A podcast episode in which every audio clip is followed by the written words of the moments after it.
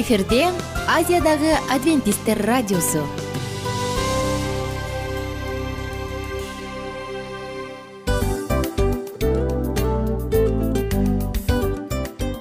Достор салют.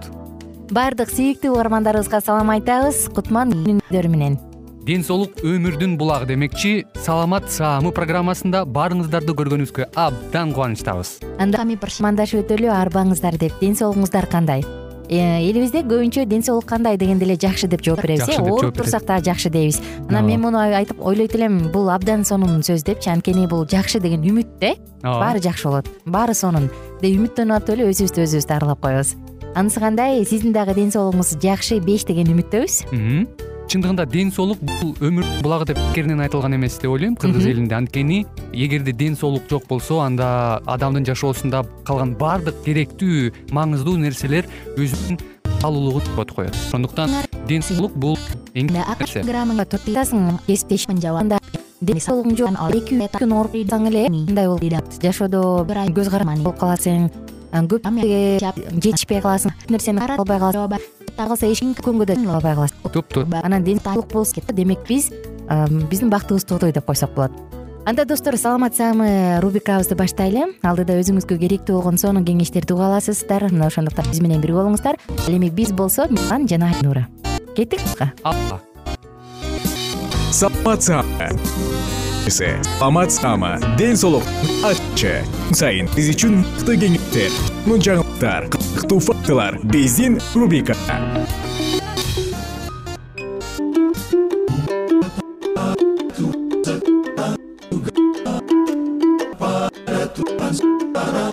саламатсыздарбы кымбаттуу сүйүктүү радио кабыз анан эле сиздердин ден соолуктун ачкы бүгүнкү программанын чыгышы ысык жана дарынын деген тема бүгүн алмакчы андыктан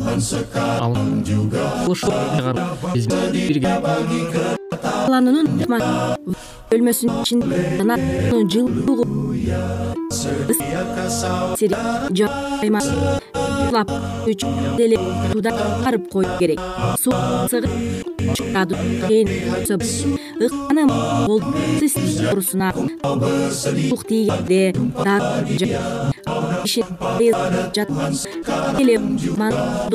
болбойт анан эки градус суук менен ана турган адамгаармыз көрдү жана башына ыңгайлуу болуп алып үчүн. Ушул буга чейинки программадагы айтып өтүппүз жана чалдыгып жаткан түрдө аны эч убакта өзүн эле кылып деп көп көрсөттү сиздин дагы билдирен анда өзүңүздүн туушкан жокыңыз болобу ошол учурда сиздин дагы ңүзгө адам сөзсүз түрдө муктаж болот демек жакшылык жана жардам эч убакта унутпаңыздар тилегибизди билдирмекчибиз мындай ыкмак колдонуу аркылуу сиз адамга дагы мындай жакшылык ишти эч унутпаңыз да кам жатса ваннага коюп кетип калып да аны туруп ким ичкиси келип кетет эгерде суу ичкиси келет ким көк чайды эмдеп берсе дагы жакшы ооба сөзсүз түрдө карыган аталарыбызды апаларыбызды албетте эч ким жалгыз калтырып койбойт болуш керек менимче ошондуктан алсыздык болуп аткан адамга кол буттан алып анын баягы алсыздык абалын жана ага жакшы мамиле кылганды эч убакта унутпаңыз ушул жаатта мисалы карылар жөнүндө сөз кечээ мисалы бир даанышман оюлчу айткан ушунчалык бир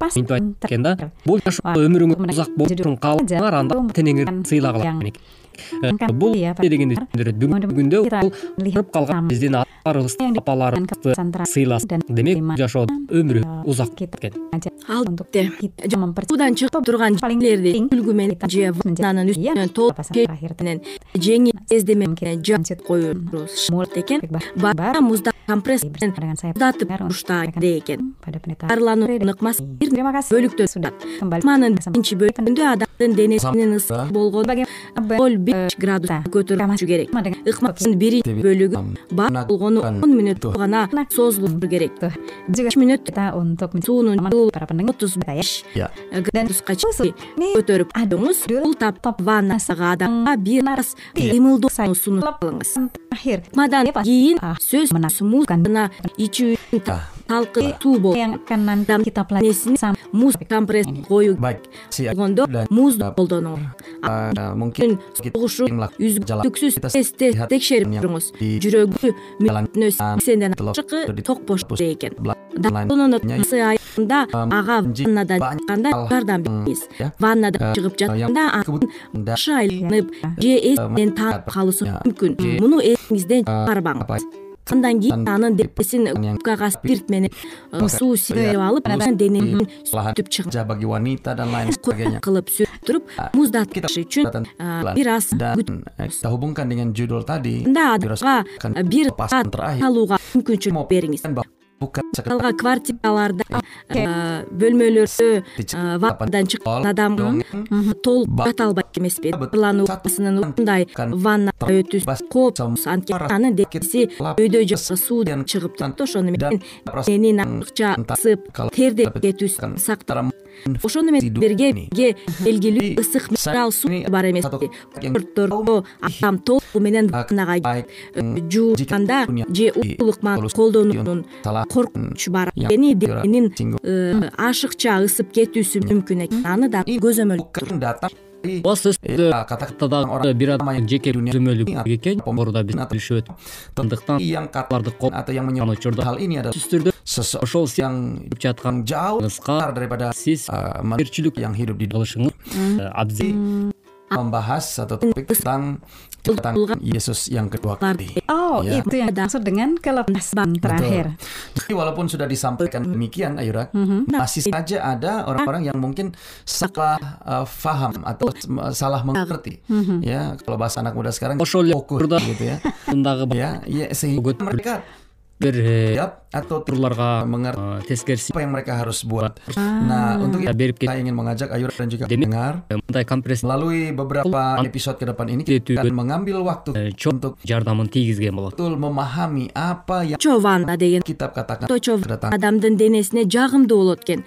Бул yang lebih penting dari itu lagi adalah bagaimana supaya жогору kita ikut bersama-sama ишин dijemput diangkat денесин di dunia. Кылуу begitu Ayura baik Tuh. terima kasih pendeta kalau sudah disebut бул ыкма адам sendiri menjadi nah itu sudah pas penuhi kan? Betul saya katakan bahwa itu betul. кичине мейли yang sangat uh, bisa dipegang. Yang memang meyakinkan. Ter ооба Iya, iya. миң saya. Ya, di dalam Ibrani pasal 9 uh, dia katakan түшүп деле мисалы же akan menyatakan sekali lagi мустак суу. Lagi kedatangan kita tahu бир bahwa dia sudah бар эмеспи бул дагы адамдын баягы ошол дене салмагы бир өзүңүздү чарчоо абал hidup sebagaimana учурда ушундай ыкмаларды колдоно турган болсоңуз menceritakan mengulangi bahwa akan datang sekali өзүңүздүн баштапкы абалыңызга bagian yang lain kalau Ayura bisa lihat dalam Yohanes 14 ayat yang ketiga бир, э, ini adalah satu janji yang Tuhan sendiri berikan бүгүнкү программа. Muridnya макчыбыз кайра kita дал tahu ушул murid-murid ya saya mau katakan bahwa janji ini juga adalah untuk kita di dalam Yohanes 14 ayat 3 Ayura boleh baca ден со- baik para pendengar anda juga boleh membaca langsung dari Чы, күн сайын сиз үчүн мыкты кеңештер сонун Yohanes 14 кызыктуу ayat факт Dan apabila aku telah pergi ke situ, telah menyediakan tempat, aku akan datang ke tempatku supaya di tempat di mana aku ыңыздарга ысык салам. Ya программа nah jadi di dalam дил маек рубрикасы дегенде эле бул эмне болгон дил маек ким менен Yes, деп- sambil apa ya men- бул рубрика кыскача тааныштыра кетип bahwa dia pasti akan datang kembali менен болгон интервью кеңештер бар Ооба. жылдыздар менен ки- маек бар. Ата tahu bahwa ini tidak bisa dibatalkan seperti dicatat dalam Yohanes 10 ayat ошондой эле. 3. ini adalah bukti Тор- yang баардык кызыктардын баары ал yang адам баласы бир кимдир бирөөнө ишенип сырын ачкысы келет эмеспи э мындай баарлашып kepada Alkitab kepada isinya khususnya отуруп алып баягы tangan Yesus жүрөгү ачып saya mau sampaikan ini ар кандай көйгөйлөр Yesus sendiri жүрүшүп баягы dan dia sendiri menjamin bahwa Kurang itu pasti akan кимибиз э сен ал нерсе келет да Ооба, кээ бирде адам kalau bahasa jam баягы май. Memang begitulah бейт да ошондуктан hanya perlu percaya рубриканы ойлоп тапканыбызда Ya, baik. Достор маңыздуу nah, темаларды козгоп sana. кеткени Silakan, кала Pendeta, ya. silakan, silakan. Jawab Yesus, engkau telah mengatakan тартуулап жатабыз. Анын үстүнө Aku berkata kepadamu, mulai sekarang kamu akan melihat anak manusia duduk di sebelah kanan yang maha kuasa dan datang di atas awan-awan di langit. Hmm. Nah, dari ayat радио болсо сени сатпаган. Saya ingin memastikan apakah ini Yesus sedang berbicara tentang ачкынга айтпаган? Cara Тус, мына ошондуктан биздин kembali. betul betul jadi itu tepat и биздин itu dengan угуп анан cara менен ya байкасаңыздар болот. Itu деги эле cara menerangkan эгерде кичине болсо дагы өзгөрүү моралдык жактан моралдык жактан сонун бир кеңештерди алсаңыз демек биз максат pada waktu Yesus naik ke surga ada satu Э, peristiwa yang айтканда yang dilihat oleh para murid dan kemudian ada suara Duk. terdengar dari langit. айын Nah, mungkin Ayura boleh bantu saja untuk membaca dari King. King кыйын дейт э эң кыйын дейт чындыгында бунун ke негизинде адамдын эң баягы 11. сапаттуулугу адам адамгерчилиги жана Fatsal темалардагы бизде ушул дил маекте ayat 9 sampai козгойбуз 11. Sampaikan Толық di studio. сөз Sudah mengatakan анан милан мырза негизи айтып коюшат го биз dan awan ошол tutupnya. ката иш кылабыз го. Ооба. анан ансыган Ketika mereka sedang бир акчада melakukan waktu ia бирөөнүн оюн текшергенге жардам orang бүгүн текшергенге жардам берет. Балким кимдир маңызын тапканга жардам берет. Barangkali Ай, кызык Mengapa kamu berdiri melihat ke langit? Hmm. Yesus ini yang terangkat ke sorga meninggalkan kamu akan datang kembali dengan маңдайымда отурган кесиптешим милан жана мен айнура. Анда эмесе Wah ini lebih jelas lagi Lebih ayatnya. jelas lagi, ya. Jadi кеттик. Алыс алыс баралык анда эмесе достор биз менен бирге болуңуздар. Алдыда эң кызыктуу маалыматтардын баардыгы бир нече мүнөттөр бою жалгыз гана сизге арналат мына ошондуктан жакшы маанай менен угууну каалайбыз үн алышканча. Жөнөдүк. Арт ардактуу terjadi secara жүрөк ачышкан сыр чачышкан сонун маек. Дил рубрика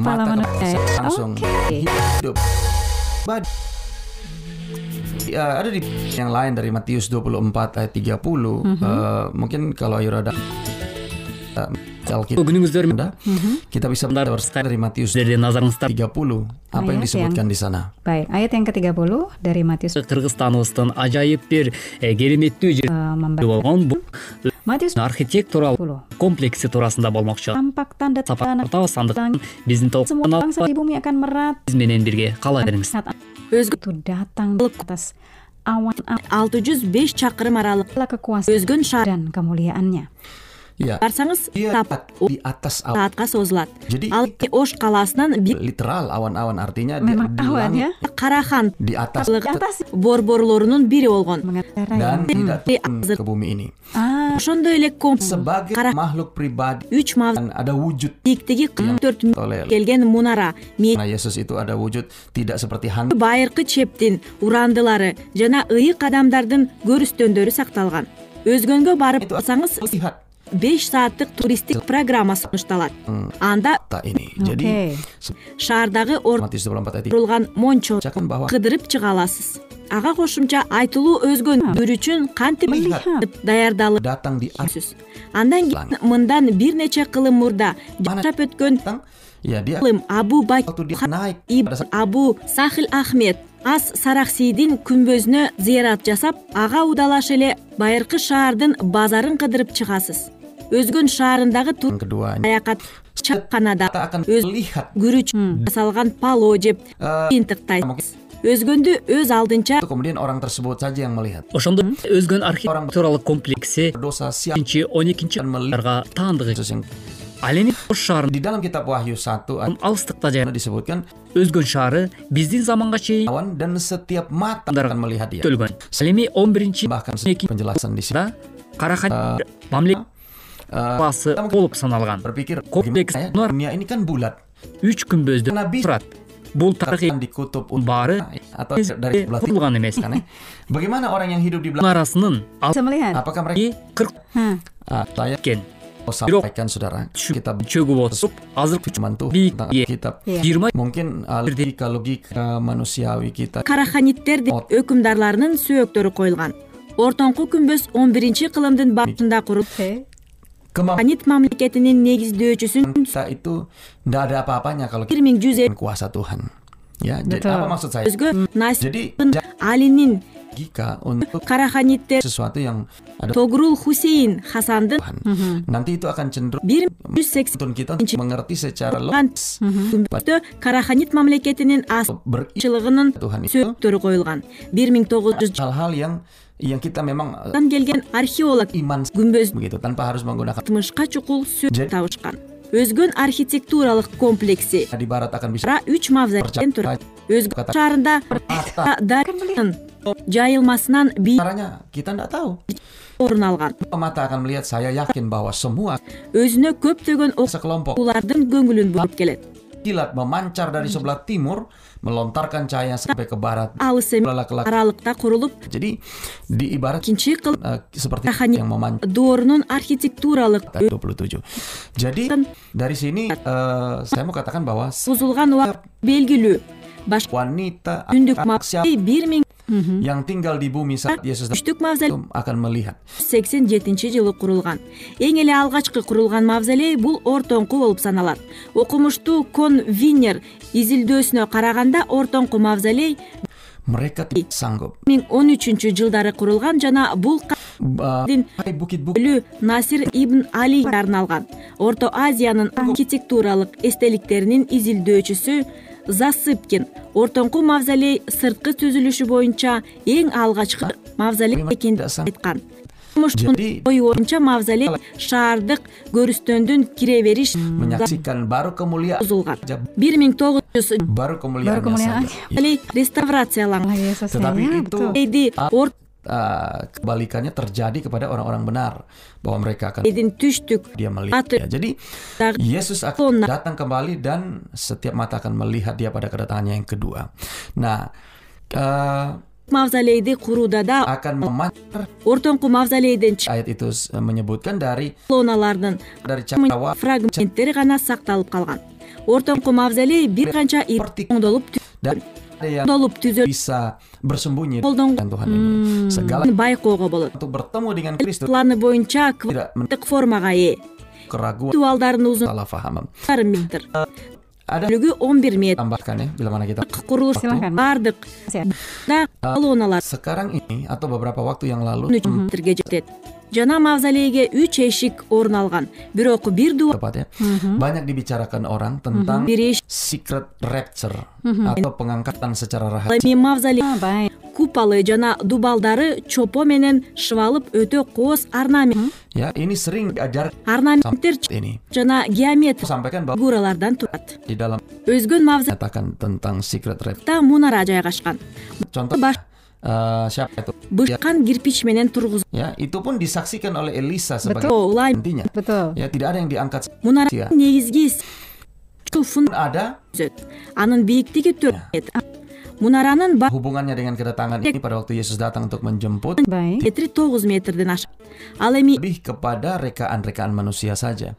Juga bukanlah kedatangan kedua uh, satu roh yang datang ke dalam hati yang diubahkan. Nah, ini tidak terjadi pada saat kematian. жыйырма метрден ашык мунаранын Jadi ini diwujudkan oleh түрүндө кирпич lebih baik. Jadi semua менен декорацияланган түшүрүлгөн орнаменттер ички орнамент түшүрүлбө angkatan rahasia bukan кезектешип турат. Жок болгон сайын көн орнамент yang tadi yang saya sudah sebutkan bahwa kedatangan kedua itu adalah roh yang berkata dalam hati atau ini hanya kiasan atau diwujudkan dalam kondisi Anggapan-anggapan kondisi itu tidak alkitabiah ya Tidak pendeta. кийинчерээк курулган dunia. Semua teori ini себеби бурана мунарасын тургу ya literal memang таланган эмес. Akan Terjadi. terjadi мунарасы бир betul mendunia жылы реставрация. Dapat melihat реставрациялоо мезгилинде мунанын үстүнкү бөлүгү bahwa dunia купол ini menuju kepada akhirnya dan akan memberi upah жүзнүкү деп айтууга болбойт мына ошентип кымбаттуу угармандар бүгүнкү программабыздын чыгарылышында дагы түштүк жергесинде жайгашкан өзгөн тарыхый pada itu memang terjadi сапар тартып барып. beberapa saat yang lalu Iya. pendeta gunakan eh, kata kolosal билгизүү менен биргеликте кийин Tunjuk. программадан кезишкенче жалпы akbar ya Betul. besar besaran ар seluruh dunia ya кесип ээлеринен алтыр nah dan kemudian tadi juga disampaikan чачыш. Dua сонун ya yang tidak sanggup айткан Tadi жүрөгүң disampaikan juga bahwa pada saat оңо маңыз тартуулаган жана Kan upah. декаса dan juga Bagi- hukuman Tapi masih belum bisa lanjutkan ini pendeta karena Ya. ternyata waktu jua Jadi, em, pertanyaan berikutnya akan kita sampaikan айымдар мырзалар menjawab замандар сиздер менен бирге улуу күрөш memiliki hal yang senada кетабыз yang sedang kami sampaikan atau yang sedang anda boleh menghubungi kami untuk menyampaikan pertanyaan Anda ишине жолтоолук кылып kan dalam талкалагысы келди. Адвентисттердин ойлору көп сандаган адамдарды тындырды. Жана миңдеген адамдар кудайга bagi kita semua para pendengar dan juga bagi pokok doa кичиккен мезгилдерде дагы талыкпастан чындыкты жарыялап турушкан. Bapa di sorga мырзасы чоң жок yang maha pengasih puji кудайдын иштерин жаман атты кылыш үчүн ал чын жүрөк ишенген адамдарды melanjutkan кичине күмөн санатып аларды түшүнбөстүктө terima kasih kami boleh masuk kepada satu topik yang baru манат yaitu шайтандын pesan terakhir ыңылыштыктарды колдонууга даяр эле. Kecil tentang rencana kedatangan Tuhan yang kedua kali. гынаш Terima kasih Bapak. аракеттен. Pikiran kami dibukakan bahwa ini adalah satu peristiwa yang pasti сайын. Jadi кырктын бийлигинде калышып mengatakannya. өкүлдөрү катары көргөздү Sebelumnya kami uh, masih melakukan akan hal ini.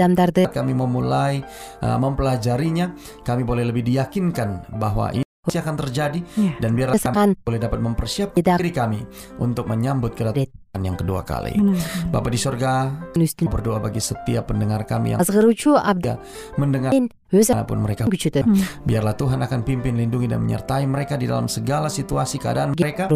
Dan biarlah juga akan uh, boleh menjadi berkat tersendiri bagi ар бир диний жандануулар калган сайын жыйынына lanjutkan akan ruang Alkitab кайрыл menjawab ini. терең ойлонууну билбеген Uh, mau mendoakan akan saudara-saudara kami yang telah menyampaikan permohonan жарым жартылай кабыл алышып ini. Kami ingin berdoa bagi saudara турушканда Chandra, Ya. seorang pelajar yang di Sintang, Kalimantan Barat. Dia uh, memohonkan uh, баштарына oleh karena dia akan menempuh pendidikan, бир дагы адам кудай элинин катарында memohon үйүндө akan menolong dia memberikan чыныгы ишенүүчү болуп кала албайт dia juga ingin ар дайым ишенүү menuntun dia sehingga di dalam pergaulan di dalam masa салдарынан dia boleh dapat memilih teman yang tepat yang akan membawa pengaruh yang baik yang positif асман турагына бара жаткан жер үчүн караңгы Ini sudah мурдасы Edwin. күрөшүп келүүдө Ядан Bapak saat ini kami juga mau berdoa. Bentar. dari Via yang Ya. juga жандануу кедергисиз dia кайы mohon kesembuhan dari gangguan kesehatan күндөрүндө дагы yang saat ini sementara dia alami. же Tuhan akan berkati saudara жерге Via, berkati segala ал жерде ишенимге кабыл алышып бирок үндөгөн адам Tuhan bagi жалгандыктар чындыкка болгон сүйүүнү uh, ар кандай boleh turut campur tangan oleh karena dia компьютер дагы berusaha untuk memperoleh pekerjaan кабыл dan sedang merasa алар биз аркылуу аракеттенет.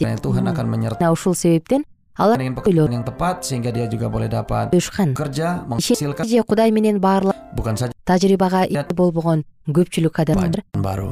Kami juga mau berdoa Tuhan Doa bagi кырылыш Pak yang pada 19 Juli кудай 2017 курган нерселердин баардыгын ulang tahun кылашкан biarlah Tuhan akan memberkati Bapak Jelly Туган убай dalam pelayanannya Tuhan akan Sekali. menyertai dia banyak orang dapat diberkati өрүнүн melalui pelayanan менен dilakukan oleh бул дүйнө үчүн алкыш болуп калышты. Berkati istri dan anak алар ар бир Terima адамында.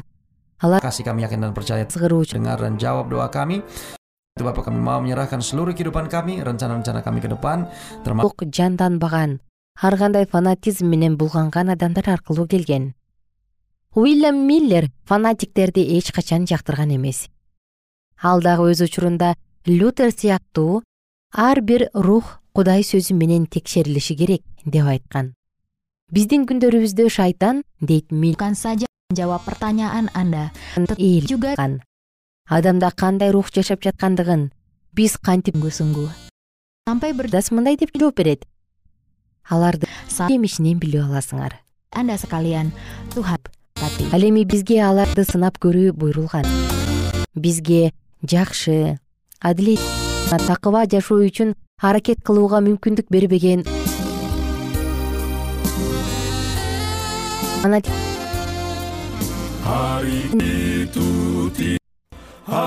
Күнгө ишенип бара жатам.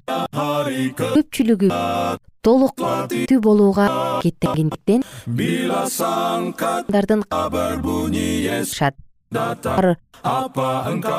адам сыяктуу маанисиз адаштыруучу рухтан чындыкка алып келет.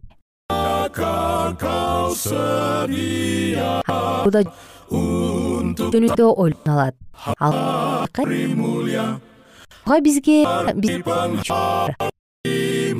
экөө Demikianlah rangkaian acara yang текшерип көрүп өз мүнөзүнүн кудай сөзүнө шайкеш Anda mempunyai pertanyaan atau ingin mendapatkan Alkitab penebuan baru, silahkan menghubungi kami dengan cara mengirim болсо анда радио түшүп калбаш. Suara pengharapan бул талап бок 8090 оор улуу тунгандан жана көздөн аккан жаштан христиан дүйнөсүндө бийлик кылып жаткан ызы чууга караганда көбүрөөк ички дүйнөнүн тазалыгына ээ болгом.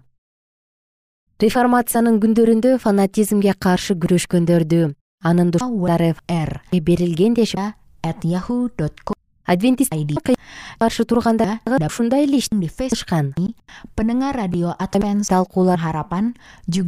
алар такыр жакындабаган ойлоп тапкан баяндарды айтышкан.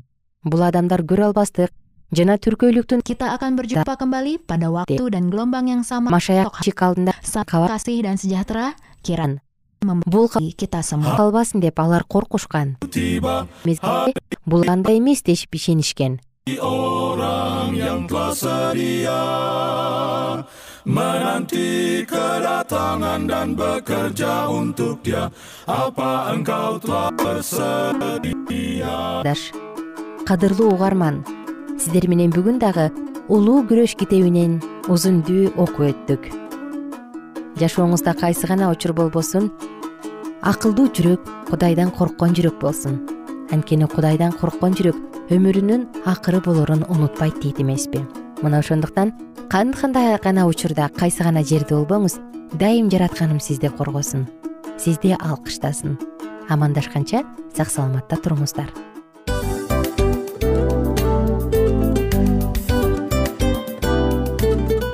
Достор биздин радио баракчаларыбыз соңуна келди. Демек бул программабызды дагы жыйынтыктачу учур келдик. Учурга келдик. Анан кесиптешимден сурагым келип турат. Негизи эле иштин башталып атканы кубандырабы сени же жыйынтыгы кубандырабы албетте жыйынтыгы себеп дегенде сен кылган ишиңдин жыйынтыгын көрүп э, баягы мөмөсүн көрүп дегендей жыргайсың жүрөгүң жемишинен тартып э кандай даамдуу деп. Баягы буудай сепкенде эмес буудай эгинди жыйнагандан кийин ысык нанды жегенде кадимкидей ырахаттанасың го. Ой айтпа туура айта кеттиңиз. Сонун салыштыруу болду анан мен дагы абдан кубанып турам. Анткени биз угармандарыбыз үчүн аябай эмгектенип келген уктуруубуздун соңуна келип калдык.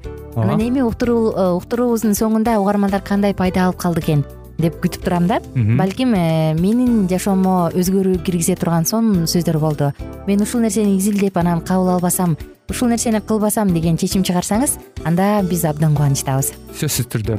Андыктан кийинки биздин кызыктуу уктурууларыбыздан көрүшкөнчө сак саламатта калыңыздар. Чыдамсыздык менен сиздерди мен милан жана кесиптешим айнура күтөбүз баардык угармандарыбызга ийгиликтүү күн каалайбыз. Качан гана болбосун уртуңуздан жылмаюу кетпесин үйүңүздө көмүр жүрөгүңүздө көңүл болсун дейли